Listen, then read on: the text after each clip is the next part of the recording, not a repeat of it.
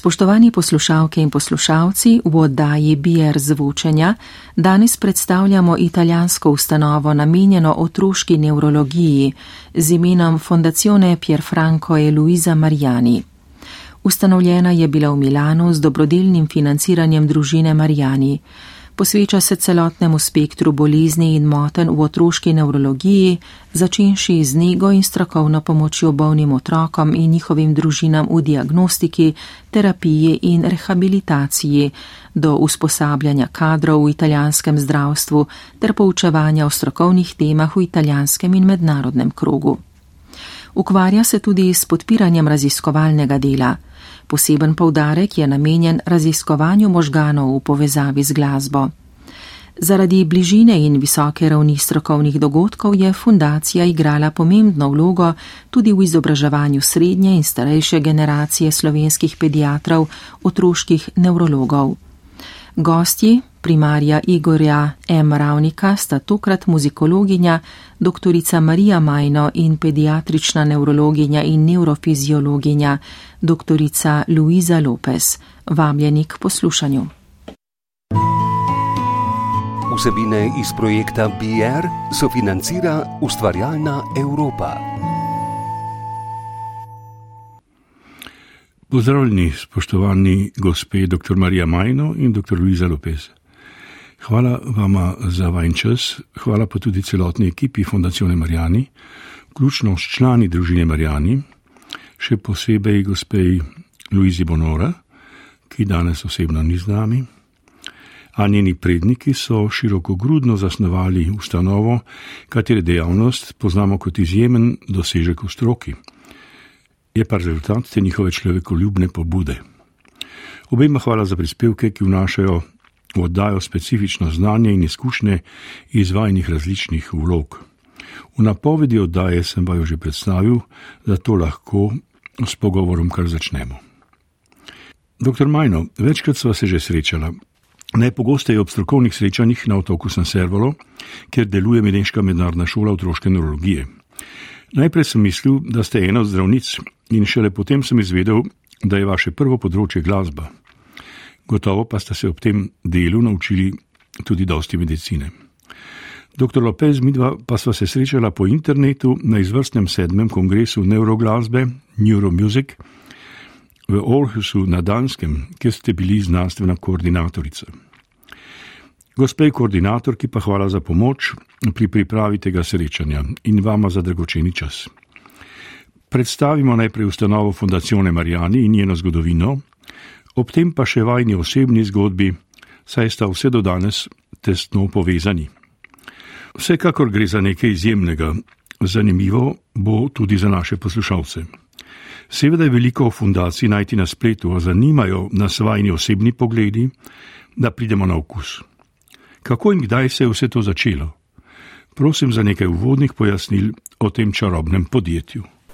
But it is a wonderful adventure for us of the Fondazione Mariani because over 30 years ago, Ja, res je prelepa dogodivščina za nas. Začela se je pred 30 leti, ko je bila na Nacionalnem neurološkem inštitutu kot prostovoljka čudovita gospa Luisa Marijani, ugledna oseba iz milanskih meščanskih krogov. Sama ni imela otrok in odločila se je storiti nekaj dobrega za otroke nasploh. Ko ji je umrl soprog Pier Franco, se je odločila za nekaj trajnejšega. Ustanovila je fundacijo, ki nosi njeno in njegovo ime. Kot občutljiva ljubiteljica glasbe je želela povezati dober namen tudi z glasbo, o čemer bo tekla naša beseda. Hvala. Pa nam lahko pojasnite današnje poslanstvo ustanove Marijani. Na spletu se človek skoraj izgubi v bogati ponudbi dejavnosti, od temeljnih nevroloških do kliničnih raziskav, na teme, ki so posebej posvečene posameznim problemom otroške neurologije, otrokovega razvoja in bolezni, diagnostike, zdravljenja, rehabilitacije, in tem posvečenih izobraževanju, svetovanju za starše, pa tudi specializiranim učnim delavnicam v nacionalnem in mednarodnem okviru. Ali ima ta ustanova svoje stavbe, laboratorije, raziskovalno upremo, klinične oddelke, ali je del italijanskega zdravstvenega sistema? Well, I like to think of the foundation's aim as the four cardinal points. Uh, the foundress herself, Luisa Mariani, wanted care and training to be closely associated. Glejte, rada razmišljam o ciljih fundacije z vidika štirih strani neba. Ustanoviteljica Luisa Marijani je želela, da sta obravnava otrok in usposabljanje kadrov tesno povezana. Naš statut zato izredno povdarja, da je temeljni cilj močna povezava med delom z bolniki, tedaj tudi z Nacionalnim nevrološkim inštitutom in usposabljanjem osebja v otroški nevrologiji. Torej zelo jasno že na začetku, a po nekaj letih smo se odločili tudi za raziskovanje, a tega ne izvajamo sami, niti zato nimamo posebnega centra. Imamo svoj urad in osebje ter partnerski odnos z Nacionalnim inštitutom za nevrologijo, kjer sta tudi naš urad in osebje. Kar zadeva usposabljanje, smo tudi sami izvajalci na raziskovanju raziskovalnem področju pa financiramo projekte.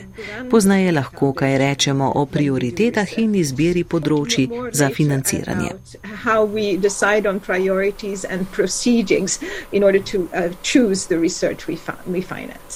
Kako pa vas poznajo v italijanskem zdravstvu? Ali vedo za vas? Prav gotovo vas poznajo v pediatriji in otroški neurologiji, saj je vaš program neobičajno obsežen in celostno naravnan bolj kot bi to zmogla večina običajnih zdravstvenih ustanov. In potem pride še dejavnost v zvezi z glasbo in neurologija glasbe. A najprej prosim povejte, kako so te storitve dosegljive družinam, kako dostopne so. Yes, indeed. Uh, as we have our social services and uh, our offices in the National Neurological Institute, uh, that is quite accessible, and our staff is always ready to answer questions. Da, res imamo na Nacionalnem nevrološkem inštitutu socialno službo, ki je kar dobro dostopna, naše osebje pa je ljudem na voljo za odgovore kar je v zvezi z glasbo, torej nevroznanost in glasba, pa je širše področje, kjer smo zelo mednarodno povezani, zato se te dejavnosti pogosto menjajo in selijo. Morda bi Luiza odgovorila na to, kako nas zaznavajo v skupnem zdravstvenem okolju.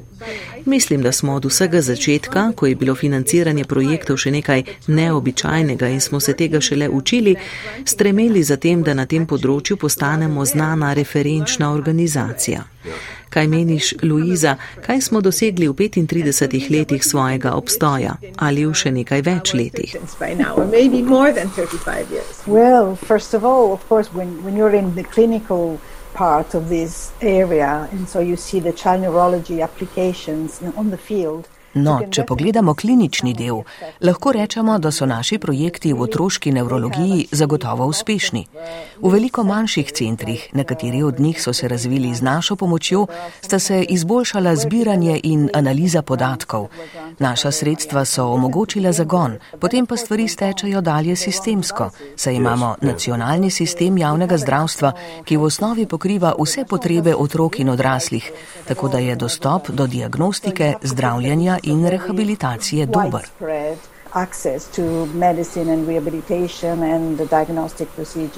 Zdaj pa me zanima, kakšen delež predstavljajo dejavnosti povezane z glasbo.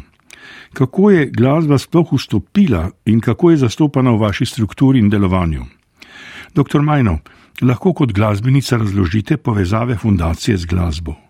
Of course, happily. Well, um, we have a scientific committee in the foundation that sort of helps us identify and evaluate all our activities.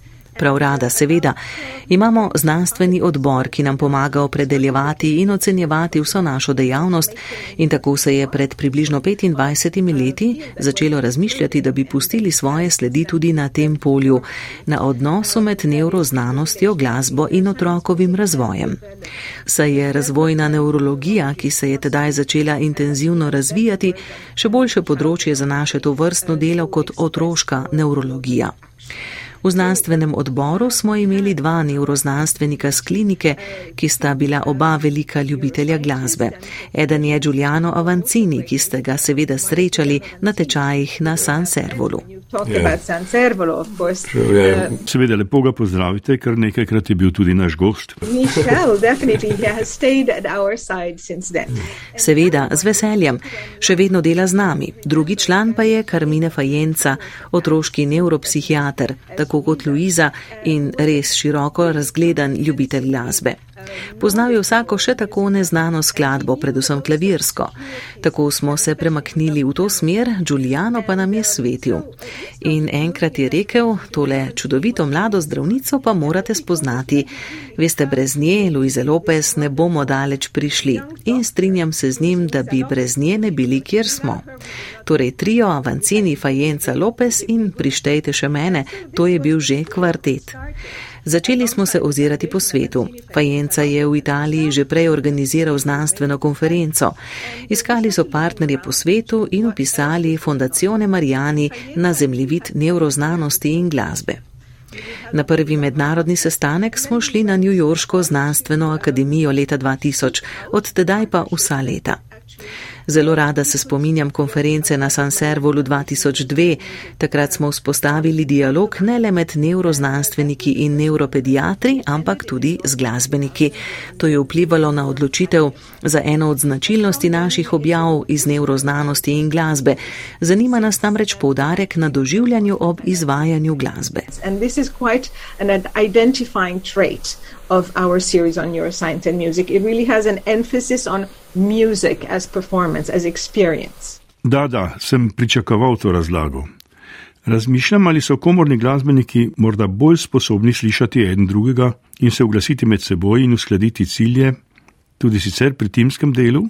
Uh, you know, what's very, very interesting is actually that the music model on how musicians interact. Ja, zanimivo je, da je preučevanje modela interakcij med glasbeniki v veliki meri vplivalo na raziskovanje interakcij med timi. To je zelo koristno tudi v poslovnem svetu. Seveda se strinjam, seveda. In morda tudi na delovanje kliničnih timov.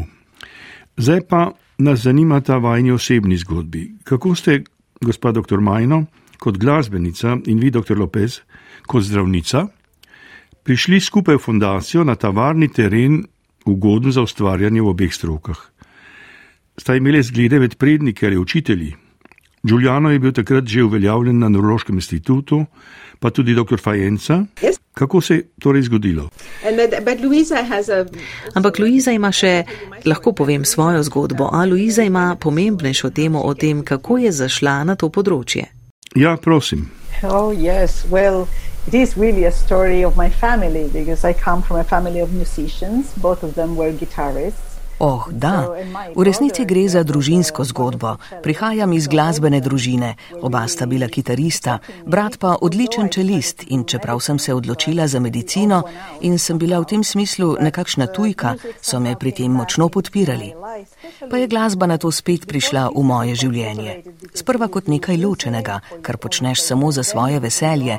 Potem pa, ko sem bila v temeljnem raziskovanju pri Rudolfu Ilinasu v 80-ih, glasba in delo sta bili dve popolnoma ločeni zadevi, sem predlagala neurofiziološki poskus z elektroencefalografijo. Zanimal nas je negativni val bioelektričnega odziva na neobičajen dražljaj, tako imenovan mismatched negativity. Linas je menil, da bo to za stare preiskovance in nekatere skupine bolnikov dolgočasno. Zakaj pa ne bi uporabili glasbe kot dražljaj? In izkazalo se je, da je bil, no, da je dr. Linas tudi čelist in stvar je stekla čisto tako, kot sem želela že kar takoj, ko sem začela s tem. To raziskavo sem omenila Giuliano Avanciniju, najbrž leta 1993. In tri leta pozneje se me je spomnil in me omenil Mariji, češ zaposlimo jo kot skautinjo za iskanje po tem teritoriju, da poišče zanimive teme za raziskovalne projekte iz neurologije glasbe.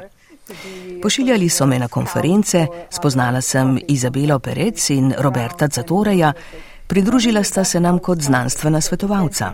In ko sem šla po doktorskem statusu v New York, sem spoznala ljudi na srečanjih Society for Neuroscience.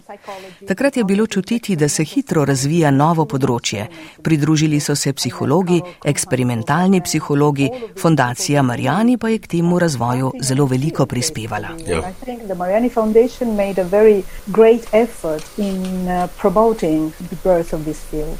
Pa ste vi štirje do zdaj sploh kdaj igrali skupaj? No, yet, ne še. Ja. Še imate čas. Marija, lani sem vas videl na ekranu konference neuroznanosti v glasbi na Danskem, v Orhusu. Če prav razumem, ste pionirka cele serije kongresov. Tudi nagrada mlademu raziskovalcu nosi vaše ime. Iz glasbenice in muzikologinje ste postali podpredsednica fundacije in organizatorka, pa najbrž tudi Fezeus Didej, torej avtorica za misli. Kako me Kako očrljiv izraz, fezes dide.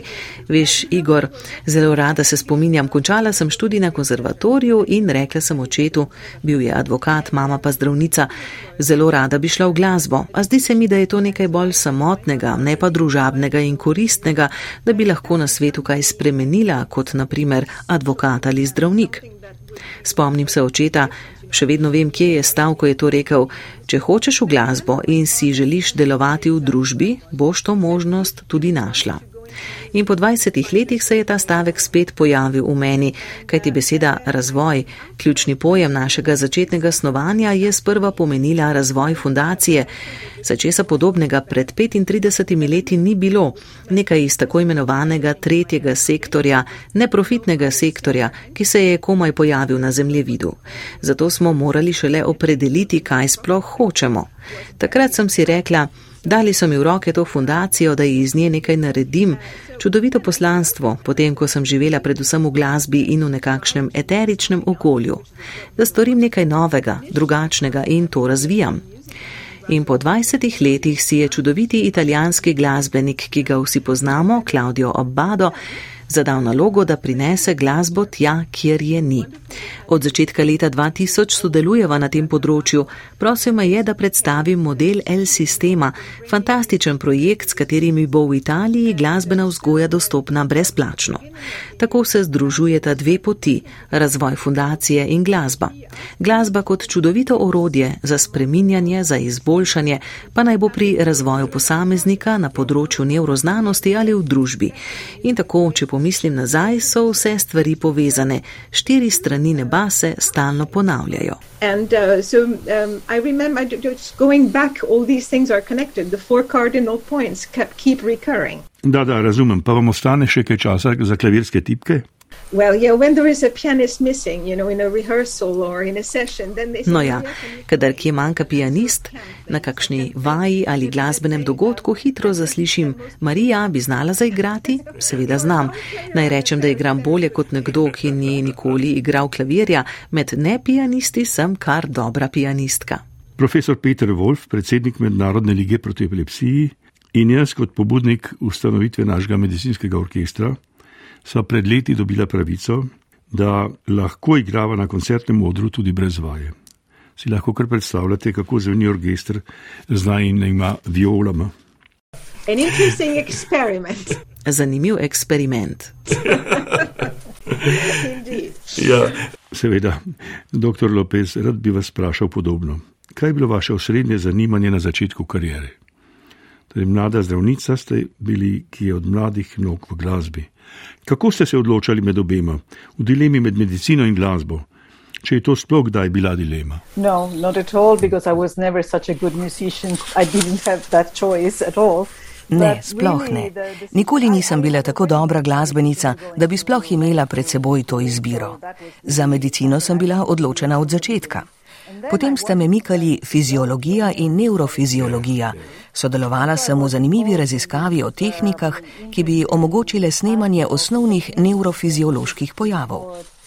Ko sem prebrala slavni članek o tonotopični lokalizaciji italijanskega raziskovalca Luka Romanija in študirala s Samom Williamsonom, me je ta tema zares očarala za podoktorsko obdobje. Opravila sem specializacijo iz neurofiziologije in potem nekaj časa raziskovala.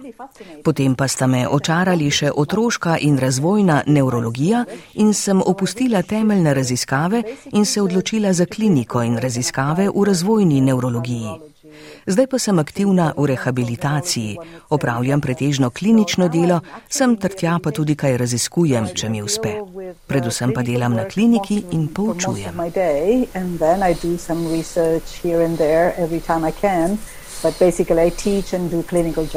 Ampak v Orhusu ste bili znanstvena koordinatorka velikega mednarodnega sestanka o neuroznanosti v glasbi. Trije udeleženci, sicer po spletu nadaljavo, iz Ljubljane smo bili presenečeni, kako pestro in bogato raziskovalno področje je to in kako je že razvito. Pohvala vam gre tudi za organizacijo, za hibridno izvedbo, za družabni spored z živo glasbo. Res bi nas mikalo biti z vami v živo. Zanimiv je bil naslov Povezovanje z glasbo skozi vse življenje. Posamezni simpoziji so bili tudi zelo privlačni, silno obsežno področje. Z menoj sta bili dve študentki psihologije in o tem bi lahko poročali nekaj ur. Na vprašanje, kaj je bilo najbolj zanimivo, bo odgovor kar vse. Kaj pa bi vi izpostavili osebno kot koordinatorka? Well, first of all, if I can say something about the choice of the theme of the year of this conference, because across the lifespan was really something. Takole, najprej nekaj o izbiri letošnje teme. Odločitev za vse življenje, lifespan, je prišla od znanstvenega odbora, odraža pa to, kar prinaša DSM-5. Namreč poudarek na dejstvu, da se praktično vse začenja v otroštvu in da se razvoj dogaja vse življenje, seveda tudi v starosti. V otroški neurologiji se to dobro ve, nekatere značilnosti se spreminjajo z zorenjem možganov. Pomembno je, da se to spoznanje vključi tudi v naše razmišljanje in delo. Zato so vsi simpoziji in predavanja upoštevali dolgoročne razvojne perspektive. Znano vam je, da se teme za naslednje konference zdaj določajo iz predlogov udeležencev z razpisom za teme simpozijev. In znanstveni odbor na koncu odloči, katerim predlogom bo dana možnost predstavitve. Poleg pogleda skozi vse življenje so simpoziji prinesli širok izbor tem od genetike, muzikalnosti do staranja in neurodegenerativnih bolezni. Za nas, Fundacijo Marjani, je bilo zanimivih več razvojnih področji. O tem, kako pozitivno lahko glasba vpliva že od vsega začetka na razvoj govora, koristna pa je tudi pri razvojnih motnjah, naprimer ADHD in za osebe z motnjami avtističnega spektra. Predvsej tega smo srečali, za razliko od nekdaj prevladojočih, sicer lepo zamišljenih neuroznanstvenih eksperimentov s kontroliranimi spremenljivkami in tako dalje, ki pa jih ni vedno moč prenesti v klinično prakso. Na področju rehabilitacije potrebujemo več raziskav, ki so bolj ekološke. In to je bilo že čutiti na našem sestanku, naprimer z področja glasbene terapije in nove uporabe glasbe v neurorehabilitaciji, ki jo je prikazovala Mirjam Lenz. Zame zelo zanimivo. But also Miriam Lenz uh, was depicting a new way to perform music in a neurorehabilitation setting, and that was, of course, very much interesting to me. Da, da, se strinjam. Zdaj sem že nekaj let upokojen, Delal pa sem skoraj 44 let v sistemu, kjer to področje še ni bilo razvito, morda z izjemo akademske psihologije, kjer so se zanimali za to. Obstajajo gotovo ljudje, ki jih to zanima, nekaj jih tudi študira v tujini, a v medicini je kadrovska stiska takšna, da še posebej med pandemijo ne bi bilo prav, da ne rečem tvegano ljudi spraševati, če se ne bi morda zdaj še malo spustili v raziskave z glasbo. Ampak ustvarjalnih ljudi v medicini ni malo, glasbenikov tudi ne. Nekaj razmišljanih v to smer smo predstavili s posterjem na srečanju slovenskih neurologov. V načrtu je tudi, da bi pozneje organizirali srečanje o medicinskih problemih glasbenikov, saj treba začeti tam, kjer ljudi stvari najbolj težijo, tako bolnike kot zdravnike. Vem pa, da je v teku ali pa že zaključena raziskava o variabilnosti srčnega ritma v odvisnosti od glasbenih žanrov, ki jo vodi eh, dr. Uroš Kovačič. Zanimanje postopoma narašča in tudi to, kar smo slišali na vašem kongresu, nam bo pomagalo v razmišljanjih in upamo tudi k razvoju. Še o nečem se sprašujem. Ko spregovorimo o glasbi, se ljudje radi in zelo hitro vključijo, tudi zapeli in zaigrali bi za svojo zabavo, pa tudi za bolnike. Ko pa spregovoriš o raziskovanju, se sicer pogosto sliši zanimive anekdote, kolegi opišajo res zanimiva klinična opažanja, a korak v raziskavo se ne zgodi. Celo ljudje na pomembnih akademskih položajih z zelo uporabnimi opažanji se ne odločijo, kot da bi glasba ne bila dovolj resen dejavnik, da bi upoštevali. Skoraj podobno, kot če omeniš vreme, ki pa je prav gotovo zelo pomemben dejavnik, a se tudi to pri nas bolj malo raziskuje. Za naše poslušalce je tu na mestu sporočilo, da je potrebno, da se v raziskovalnem delu držimo ustaljenih metodoloških načel in da navdušenje za glasbo ni dovolj in da zato potrebuješ kadrovsko in znanjem dobro opremljene stroke. V vašem primeru je šlo drugače, začeli ste z najviše ravni, če govorimo o profesor Giulianu Avancinju in dr. Mariji Majno. Zanima me, Marija, kakšne pa so bile težave na vašem začetku? So se pojavljale kakšne ovire, tveganja, da projekt ne bi uspel? Well, uh, when I said we had to learn what to do with the foundation, actually the first uh, challenge we found is that people didn't quite trust someone who was offering something without asking anything in return. Ja, ko sem rekla, da smo se morali še naučiti, kaj početi s fundacijo, je bila prva težava v tem, da ljudje težko zaupajo nekomu, ki nekaj ponuja, ne da bi za to kaj terjal povračilo. Govorimo o skepticizmu ob naših ponudbah. Nekaj časa je trajalo do profesionalizacije pri snovanju in vzdrževanju dejavnosti fundacije.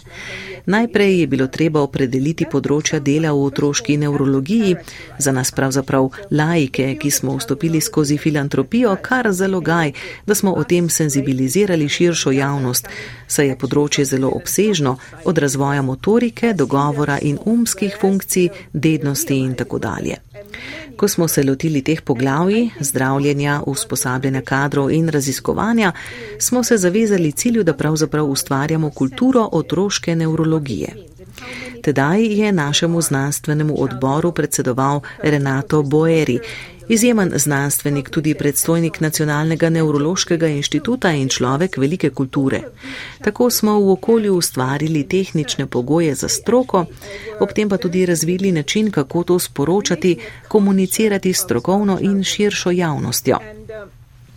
V povezavi s tem naj omenim zadnjo mednarodno konferenco, pa tudi Neuromusic News, neuroglasbene novice, še eno od Luizinih nalog, izdajanje časopisa, ki zanesljivo obvešča o izsledkih stroke.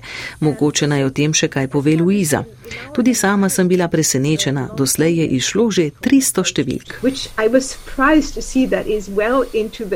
300 issues that have already been yes. published. Yeah. Yes, it's amazing. Ja, res osupljivo. Ja, zadnja številka je priletela pred par dnevi. Yes, yes, Neverjetno dobro se množijo. Moji kolegi so bili presenečeni, ko sem jim iz zadnje številke povzel, da se pri starejših, če se prav spominjam, v slušni možganski skorji poveča gostota, če začnejo. Debelina. Ja, hvala, Luiza. Torej se poveča debelina možganske skorje, če začnejo igrati klavir na stara leta. yes, yes. well, Eckhart Altenmüller talked about it in the conference as well. Yeah. Da, da. O tem je v Orhusu predaval tudi Eckhart Altenmüller, navdušen kot tudi ostali okrog njega, saj se bližamo tem letom in bi bili srečni, če to res drži. Yeah. Mention a musician standpoint. You know, when when we started working on neuroscience and music, for us, music is, and also for scientists, a very complex phenomenon. Veste, če se vrnem na to, kar smo rekli o glasbi in raziskovanju, bi rada omenila še stališče glasbenikov. Ko smo začeli z neuroznanostjo in glasbo, nam je bilo jasno, tako nam kot znanstvenikom, da je glasba kompleksen pojav. In glasbenikom nam je jasno, da moramo, ko igramo, početi neobičajno veliko stvari obenem. Uspe pa nam le, če jih počnemo dobro in smislom, ki zajema tudi estetiko. Ne gre torej le za telesno sposobnost početi več stvari sočasno in hitro prevajati vidno sporočilo iz notnega zapisa v kretnje, modulirati dinamiko in agogiko, glasno, tiho in tako dalje in nekaj izraziti. Vse te stvari so tesno prepletene in zame je pri tem najbolj zanimivo, kako znanost lahko ločeno preučuje te posamezne elemente, ki jih nekako odcepi za analizo. Ob tem pristopamo k glasbi kot celostnemu pojavu, ki vključuje neurofiziološke in motorične in tako dalje vidike in tudi prenaša sporočila. Mislim, da so ta spoznanja koristna za vse generacije. Glasba ni le govor v sporeden jezik, ampak se je govor razvil iz glasbe. Tako da je homo musicus dejansko prelomno spoznanje antropologije o pojavu, ki je ključno pomemben za razvoj človekovega uma in govora. Pomembno pa je ohranjati tudi ta, kako naj rečem, nerazcepljeni pristop k raziskovanju glasbe. In naj končamo tem, name je v Orhusu največji vtis napravila glasba med odmori. Ker je partnerski odnos s Kraljevo akademijo za glasbo, ki deluje v Orhusu in Kebenhavnu na tako visoki ravni, da smo imeli na voljo cel kaleidoskop glasbenih izkušenj. Naj povdarim, da smo imeli na konferenci na odru prvič živo glasbo. S čustvi ljudi na odru in nas v dvorani, ki smo peli z njimi, to je bila res otipljiva izkušnja. Eni in drugi smo bili ganjeni in od tega se je med nami pomnožil komunikacijski naboj. It, it they were as moved as we were, and that also multiplied the charge of communication that uh, could be brought into play at that time. Res je, na ekranu se te stvari ne zgodijo enako, a bilo je zelo očitno. Lahko zdaj predlagam kratek odmor z glasbo, potem pa nadaljujemo. Perfect. And in the meantime, Louisa yeah. can also suggest some musical examples. If, um, Odlično, medtem pa Louisa lahko predlaga glasbo. Jaz bi predlagala pesem, s katero smo pomagali otrokom med pandemijo, da bi jih v Lombardiji povezali in aktivirali s tem projektom. Tako mi in El Sistema. Navdih je prišel od Manos Blancas o enakih priložnostih za otroke, ki se razvijajo atipično, predvsem za gluhe, tako da se glasba prevaja v gibe. Na internetu jo lahko najdete. S projektom smo začeli v Milanu za otroke z oviranostmi, tako da so si pomagali med seboj in s tutorji iz iste šole ter normalno razvijajočimi se otroki. Ključno besedilo gre o vsem, za kar imajo roke. In roke imamo za delo, za igro, roke, da gradimo, otroci kažejo z rokami in končajo, a hočemo roke, ki dosežejo nebo. Med pandemijo je bilo zelo odmevno, ko je moral vsak uporabljati roke le zase in so želeli biti spet skupaj. Preprosta pesmica, dostopna tudi kot video, lahko je kot nekakšen most med Luizinimi dejavnostmi v rehabilitaciji in tem, kar odmevno počne fundacija z glasbo, tako da so ne glede na starost vsakomur na voljo glasbena orodja, za katera vemo, kako koristen vir so za ljudi vse življenje. Ages uh, and starting from a very early um, stage yeah. And, yeah. and realizing how great a resource it is. Hvala lepa, res lepo. Tega nisem poznal. Priporočam poslušalcem, da si ogledajo tudi video Koro Manos Blancas. Znana pa mi je tista o umivanju rok.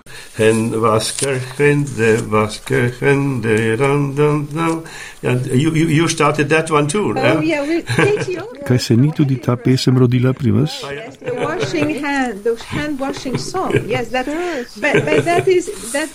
Oh, seveda, hvala, da si naj spomnil. Umivanje rokic, to je sprožila Katie Overy v Edinburgu in potem še marsikje tudi on stran Atlantika. Uh, yeah, yeah, and by I, her colleague in, in, uh, in the US as well. Ja, mislim, da je zraven že 28 držav, pri nas pa je nismo posneli. By the way, if you what um what I said about the, the song, I think is actually very happy. I said it in a way that if you would like to keep it when you hear the song. Ja, hočem samo reči, da je pri tej pesmi treba ljudem, ki samo poslušajo, povedati tudi razlago, da je to glasba za zbor otrok, ki ne morejo peti, a lahko gibljajo z rokami, da jim prijatelji in tutori pomagajo z gibi.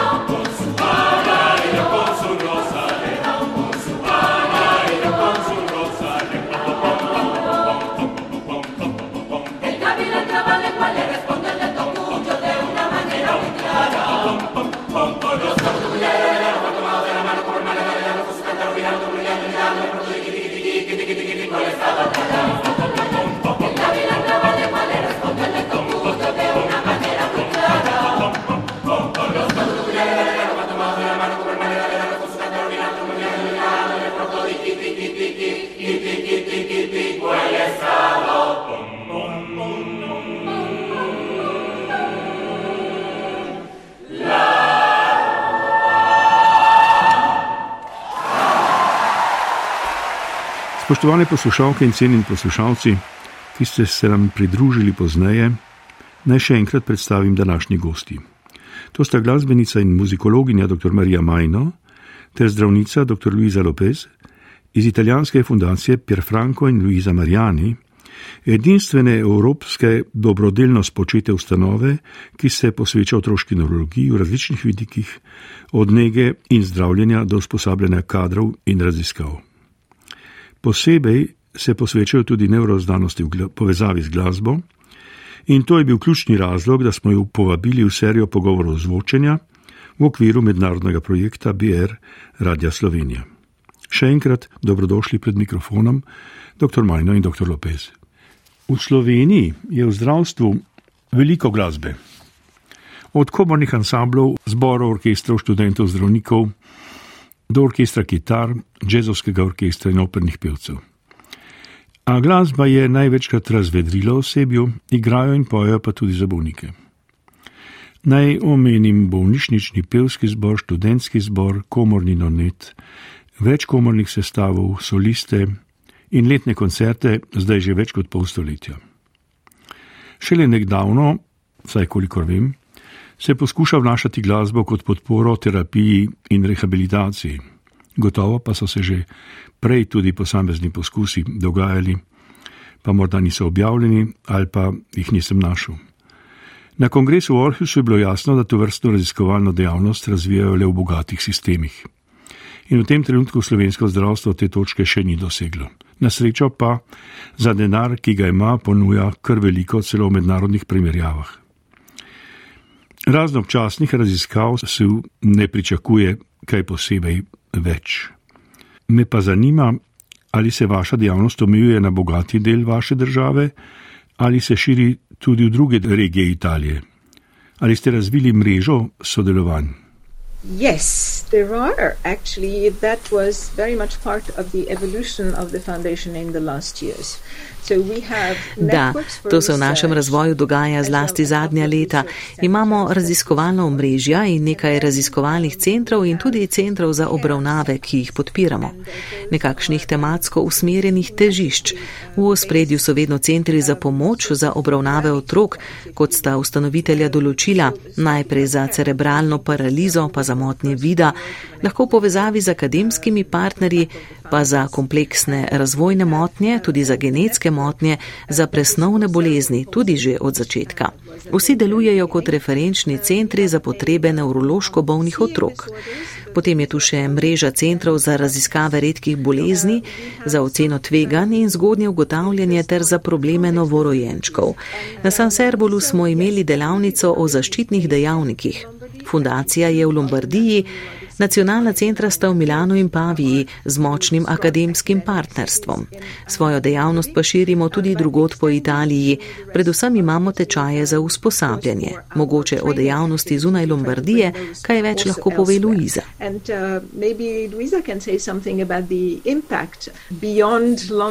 uh, reach of the foundation. Prosim, prosim, Luisa. Yes, well, there, the, there have been some calls for uh, research grants. Um, so some amounts of research grants have been granted by the foundation. Da, torej, dali smo recimo kar nekaj raziskovalnih sredstev iz fundacije. Pri eni raziskavi sem sodelovala. Šlo je za hipotezo, da bi lahko otrokom z disleksijo pomagal ritem. V Trstu zeleno flavnjako z inštituta Burlo, da bi izboljšali fonološke motnje. Spet smo pri tem, da včasih anegdotična opažanja vodijo v dobra raziskovalna vprašanja. Res je, kot praviš, da ljudje glasbo včasih radi kar odpišajo, češ, ja, seveda, glasba je dobra stvar, seveda bomo, potem pa se ne lotijo zadeve raziskovalno. Tako je bilo tudi na drugih področjih, dokler postopoma nismo začeli raziskovati višjih živčnih funkcij, ki smo jih neodvisno preučevali. A še nedavno, ko smo se lotili te raziskave, smo ugotovili, da ni randomiziranih kliničnih raziskav o učinku glasbe pri disleksiji. Tudi v Italiji ni bilo pravih raziskav, s tem mislim takih z višjo stopnjo znanstvene dokazne moči. Odločili smo se, da to naredimo sami in lahko rečem, ker si prej omenil bogate države, da se je zgodilo pa ne z veliko denarja, ampak zaradi velike zagnanosti. Delali smo v skupinah, tako da neuroznanstvenih parametrov ni bilo veliko, dosti več pa neuropsiholoških, do katerih se pride nekoliko lažje.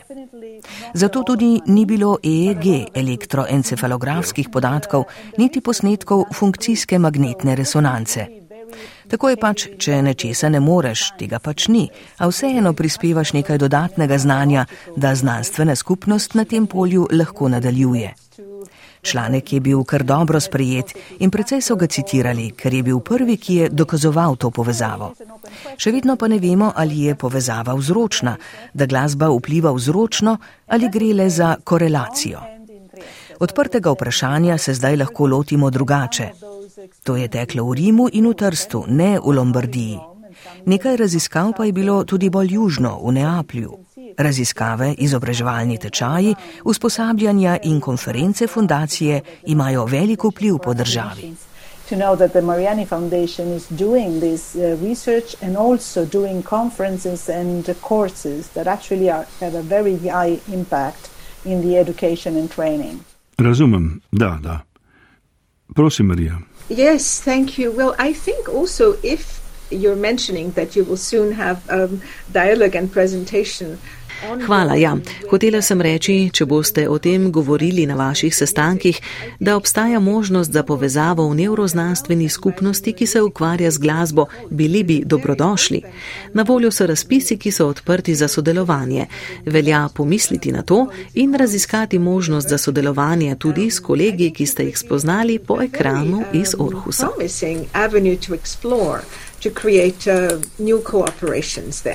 Hvala, Marija lepa misel. Skušali bomo delovati pri tem, kar že obstaja, z jedrom ljudi, ki so igrali ali peli skupaj v medicinskih ansamblih in zborih ter orkestrih.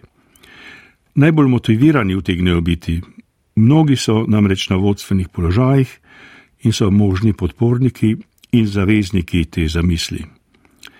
Mednarodni stiki so seveda najpomembnejši, to vem iz svoje ože stroke, a v teh letih nisem več prava oseba, nisem več del sistema. Lahko pa poskusim, kar še lahko. Zdaj pa bi rad vprašal še vas, dr. Lopez, o vašem delu in raziskavah.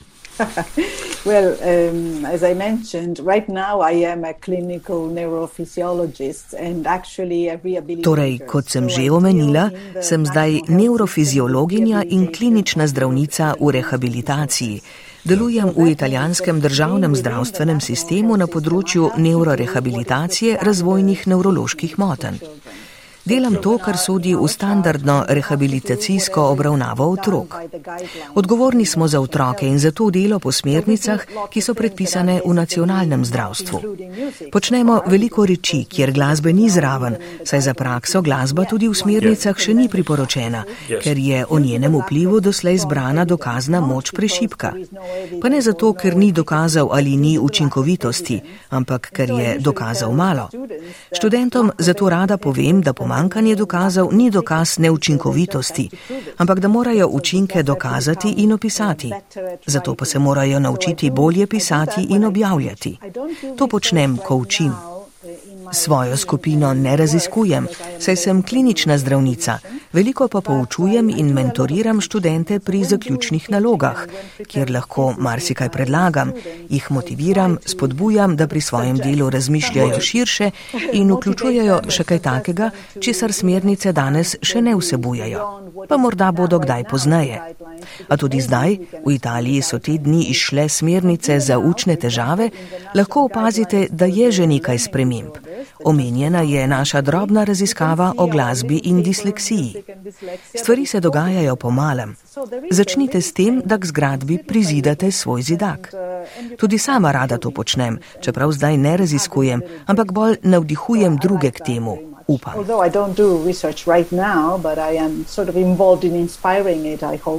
Ah, sej res.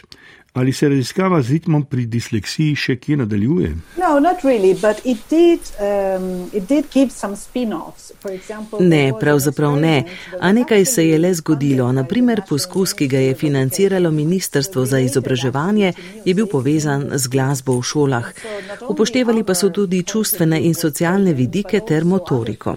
Izbrali so štiri italijanske šole. Eno v Parmi, kjer deluje skupina Leonarda Fogasija, ki je tesno tesno povezana z ekipo Giacomo Rizzolatija. Um,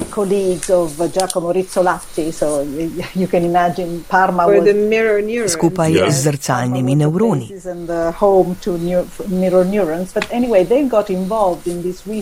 Skupina iz Parme se je vključila v poskus zelo podoben temu, kar smo delali mi na bolj ekološki način, vendar niso imeli klinične populacije kot mi, ampak dijake od 11. do 14. leta. Ponudili so jim redno ukvarjanje z glasbo in dobili enako zanimive rezultate, zlasti o vplivu na motorično koordinacijo, manj pa na fonološko zavedanje, saj vendar niso imeli klinične populacije, ki bi imela fonološki problem. Vse povsod se dogajajo raziskave, a iz različnih vidikov in žal se ljudje selimo iz kraja v kraj. Celo Elena je odšla iz Trsta in zato ni mogla nadaljevati raziskave. Odšla je v zasebno prakso, odkudar pa bi bilo zelo težko spet izvesti kaj tako zahtevnega put together again that kind of effort. Razumem, Slovenija je majhen sistem, ljudje se ne selijo veliko, a obsebja je zelo malo. Druga stvar je obremenitev kadra. Pretežno so zdravnice mlade matere, da ne govorimo o času, ki je potreben, da se rezultat objavi in o času, ki je potreben, da ugotovitve iz člankov zaživijo v praktični izvedbi. Včasih dolgo ali pa sploh nikoli. Zato bo treba razmisliti o vključevanju društv bolnikov, skupin za samo pomoč, skupin staršev in tako dalje, ki lahko delujejo kot povezava med institucijo in prakso. Mislim na to, da se nekaj lahko začne v strokovno-humanitarnem društvu. A tam je problem najti poklicne strokovnjake za nadzor kakovosti. Treba iskati poti naprej, saj je okrog nas veliko ljudi dobre volje in na, na katerih področjih so se tudi pri nas že zgodile dobre reči. Obetavno se recimo razpletajo stvari na področju Parkinsonove bolezni. Želel pa sem vas vprašati kot neurofiziologinjo. Vem za raziskave profesor dr. Štefana Kölša, ki je bil tudi naš gost, o neurofiziologiji glasbe in pojavu izvanih potencialov, ki so ob pojavu neobičajne harmonije že pri mehkih otrocih drugačni. Da se torej možgani tudi bioelektrično odzovejo na harmonsko izjemo, podobno kot na besednem področju, kjer se odzovejo na slovnično ali sintaktično odstopanje. Ste te ugotovitve kakorkoli uporabljali tudi pri svojem kliničnem delu? Well, actually, I did my PhD thesis on the mismatch negativity, dyslexic children and changes. V svojem doktorskem delu nisem našla prave uporabnosti.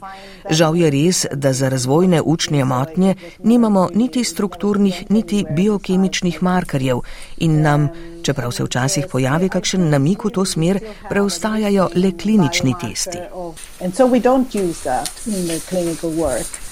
Kot klinična zdravnica v pediatrični neurorehabilitaciji imate gotovo svoje mnenje o tem, na katerih področjih glasba je ali bi lahko bila najkoristnejše dodatno urodje? Well, like da, zelo rada bi slišala več glasbe pri delu z ljudmi, ki imajo motnje avtističnega spektra.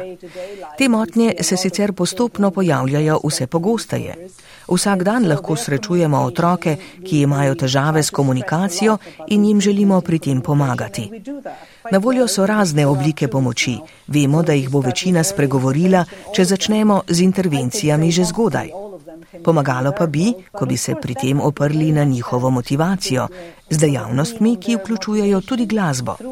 To bi lahko zelo koristno izboljšalo delo vsem, ki izvajajo alternativne komunikacije, ki bi jih dopolnili z glasbo. To so že počeli. Gottfried Schlauk je to delal z ljudmi z avtizmom skozi vsa življenjska obdobja. In še dokaj nezahtevno je, seveda, če imaš koga v ekipi, ki je nekoliko glasbeno izobražen. Ja, ja.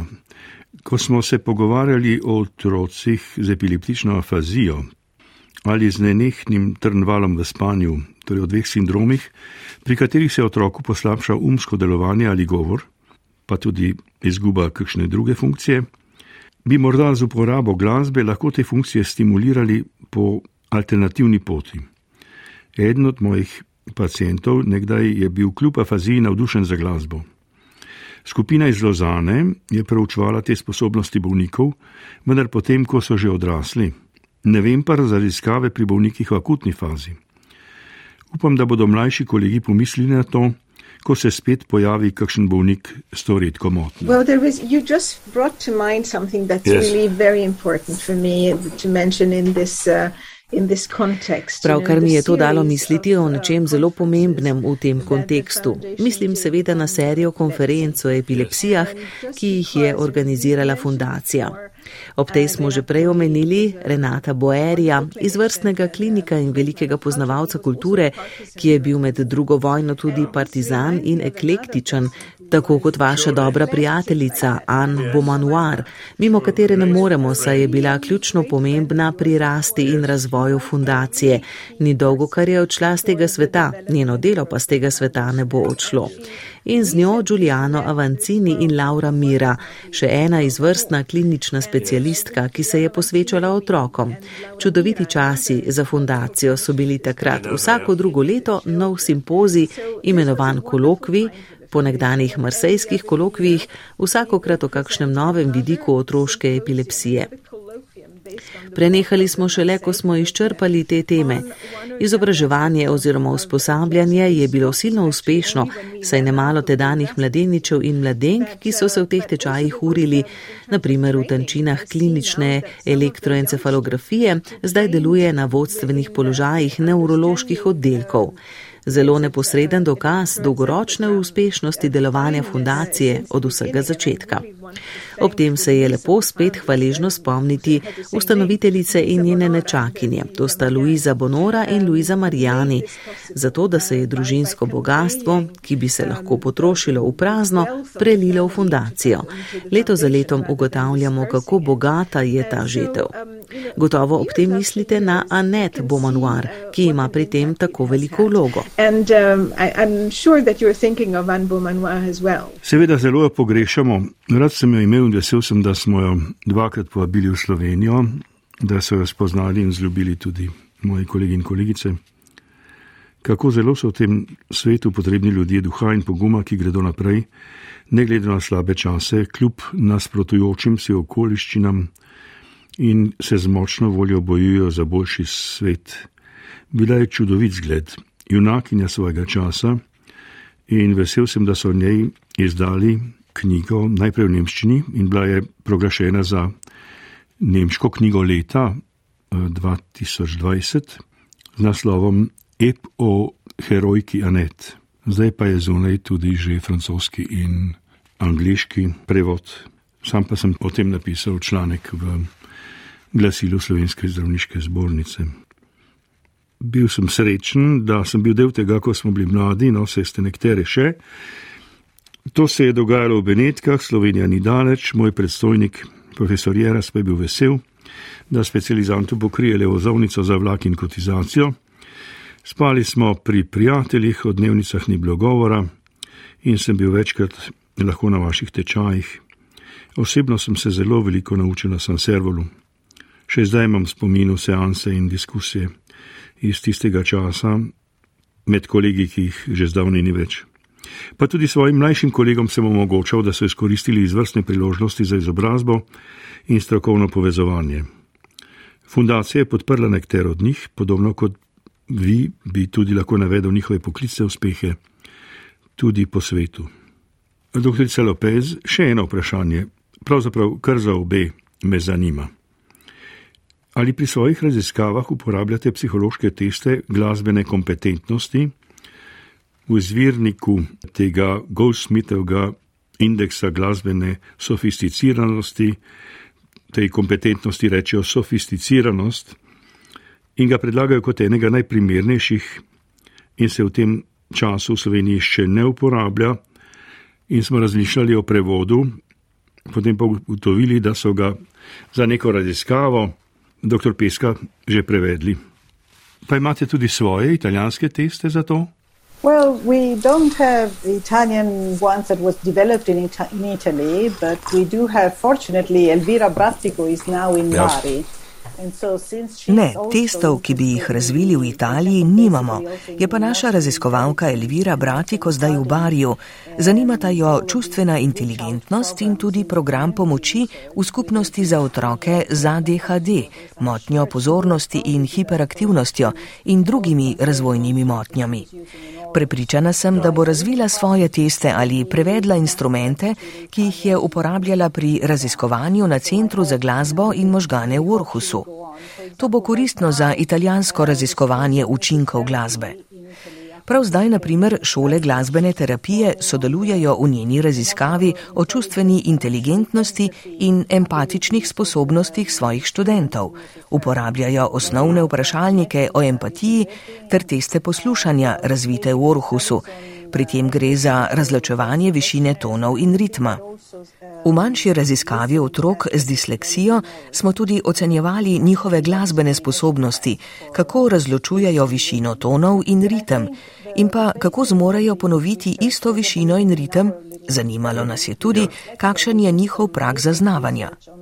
A nismo ugotovili izboljšan niti razlik med njimi, res pa smo upravili primerjave le znotraj skupine. Tu je še veliko neobdelenega. Mislim, da bi bilo treba širše razmišljati in raziskovalno spekulirati, več raziskovati. Veliko je še prostora za uporabo testov, tudi za prevode že uveljavljenih.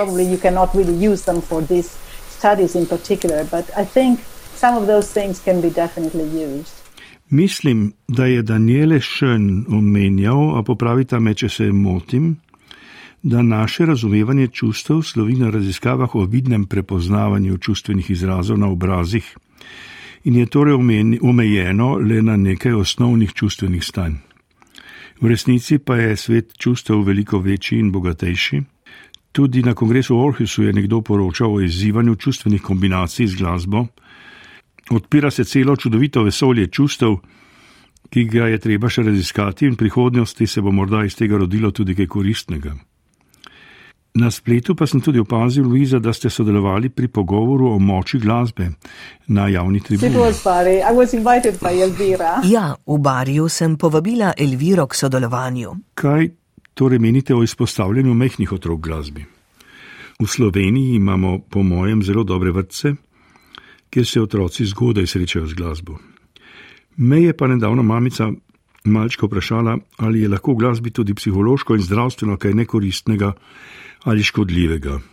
Čež da je bil njen normalno razvijajoči se malček silno občutljiv na dražljaj glasne orkesterske glasbe, najbrž je rekla Dvoržakove simfonije, ki da ga je tako znemirila do hudega joka, da ga je bilo zelo težko utolažiti. Kaj vemo o odzivih otrok na glasbo, ugodnih in morda tudi neprijetnih? Predvsem pri izpostavljenosti močnim glasbenim dražljajem, ki so tradicionalno namenjeni odraslim poslušalcem. Bo mogoče med otroki tudi kateri, ki si bo tako glasbo posebej želel? Yes. Well, I think again it pretty much depends on the kind of implicit exposure that you might have had even during No, pregnancy. že spet menim, da je to v veliki meri odvisno od tega, koliko in čemu je bil človek že implicitno izpostavljen, celo v času nosečnosti in v prvih letih življenja. Žal smo že kar navajeni, da v resnici živimo v glasbeni poplavi, pa ne v glasbi, ki smo si jo izbrali. Stopimo v trgovino in zaslišimo glasbo, spremlja vsak naš korak. In smo jo celo prisiljeni poslušati, saj ušes ne moremo zapreti tako, kot lahko zapremo oči.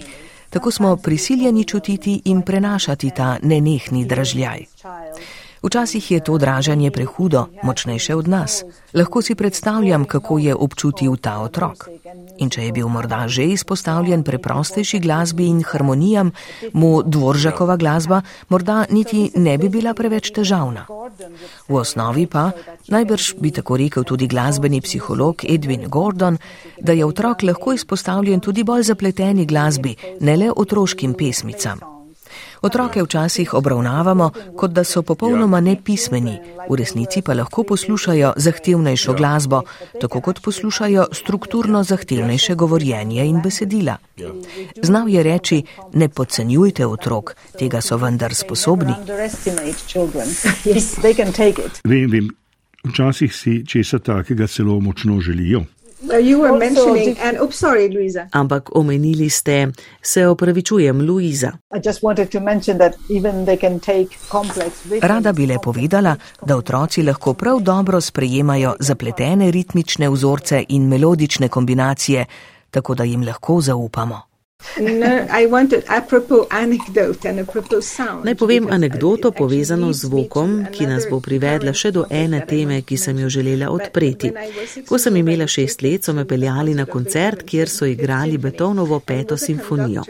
Dirigent je bil znan po tem, da je rad uporabljal glasen orkesterski zvok. In pozneje mi je stara mama povedala, da sem v joku vprašala, ali bodo zdaj streljali stopovi. Pa niso na srečo. And uh, so I grew up actually with songs, um, uh, you know, sung by my, my grandmother, which I then much later recognized. Rasla sem ob stari materi, ki je prepevala in šele pozneje, ko sem začela študirati glasbo, sem ugotovila, da so te pesmi, Schubertova, Zelikajt in Mozartove pesmi, primernejše za novorojenčke, že odnegdaj tudi del mene. A hotela sem reči nekaj o zvoku, ko smo se tega dotaknili malo prej. Išla je zelo pomembna knjiga znanstvenice Nine Kraus, svetovne avtoritete na področju sluha in zvoka iz laboratorija Brainwalds v Chicagu. Veliko zanimivega počne, eklektičnega, tudi o povezavah med vzgojo in izobraževanjem ter glasbo. Sodelovala je v raziskavah o vplivu glasbene vzgoje na posameznike in na skupnost. Pred kratkim je išla knjiga pri Meet Press, zanimiva tema za vse nas, naslov je Of Sound Mind, o tem, kako naši možgani sestavljajo smiselni zvočni svet. Velik krok bravcev ozavešča o povezavah med možgani in zvokom.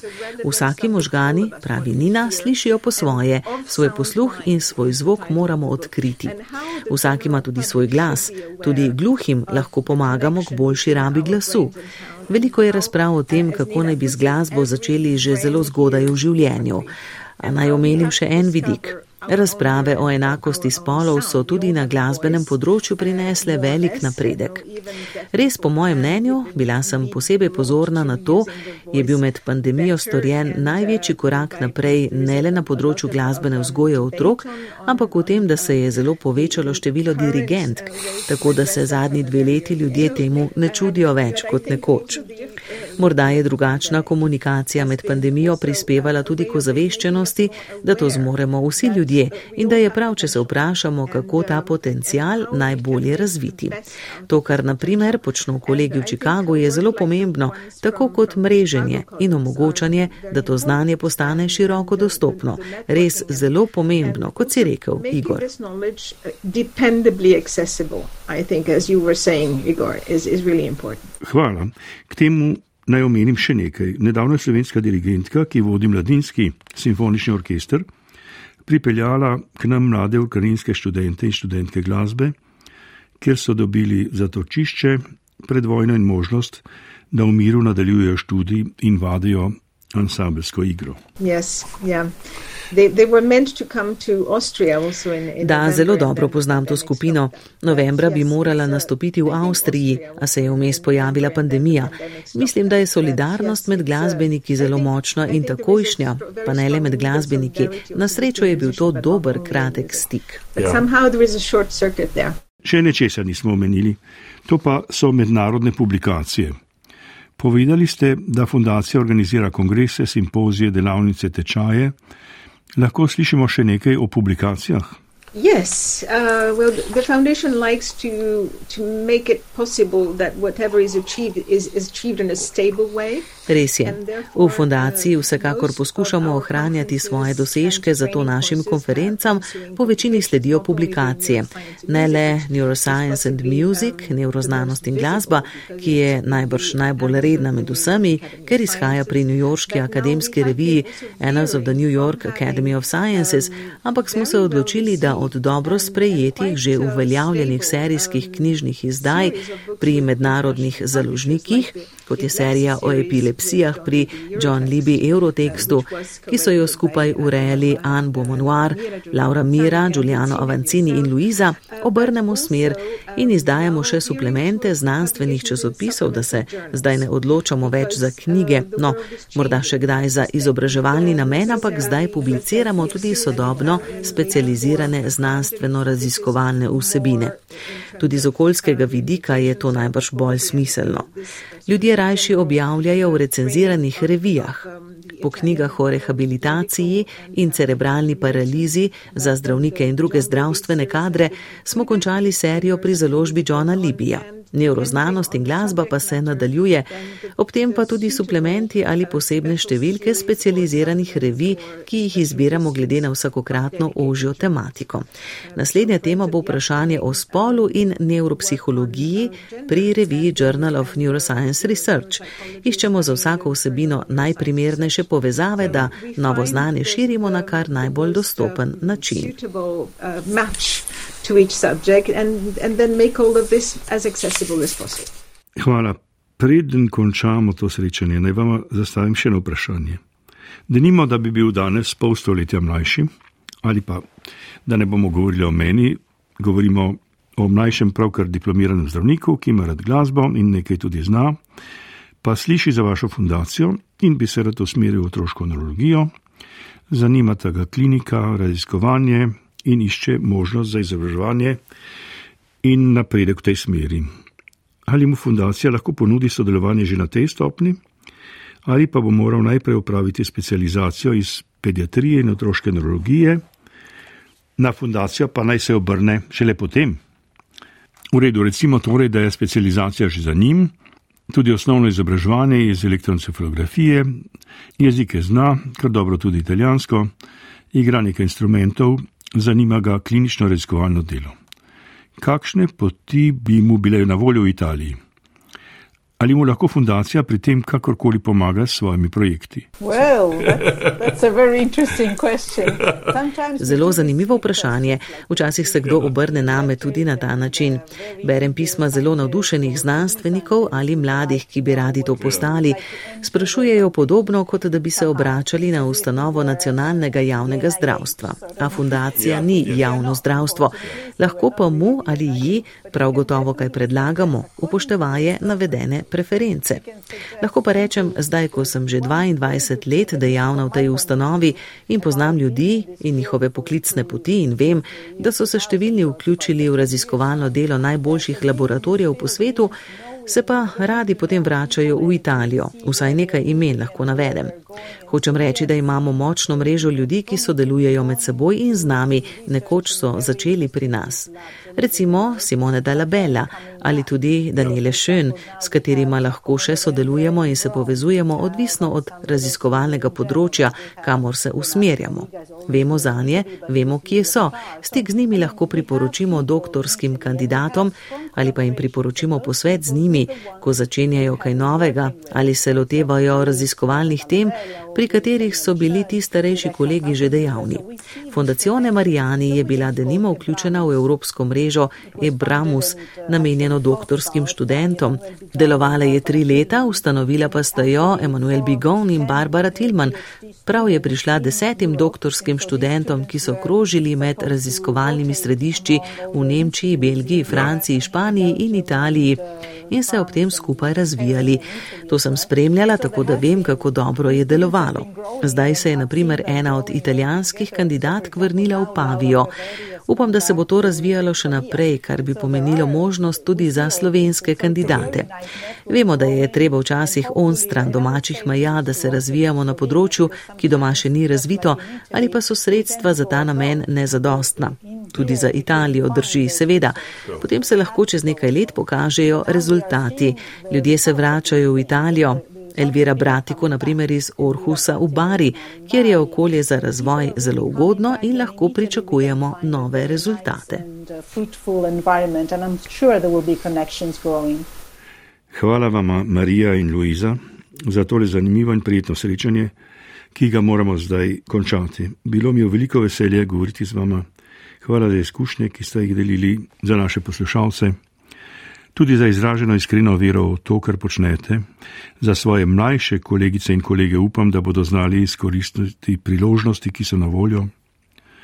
Pa tudi v svojem imenu osebno sem hvaležen za kombinacijo na ključi in geografske bližine dogodkov, ki jih je izvajala fundacija in sem jih lahko v mladih letih izkoristil za svoje izobraževanje. Koristi pa so imele tudi mlajše kolegice naslednje generacije, ki so zdaj na odgovornih mestih v kliničnem in klinično raziskovalnem delu doma in v tujini. Z željo naj se to plodno sodelovanje še nadaljuje. Hvala in nasvidenje, gracije, arrivederci. Vsebine iz projekta BR sofinancira ustvarjalna Evropa.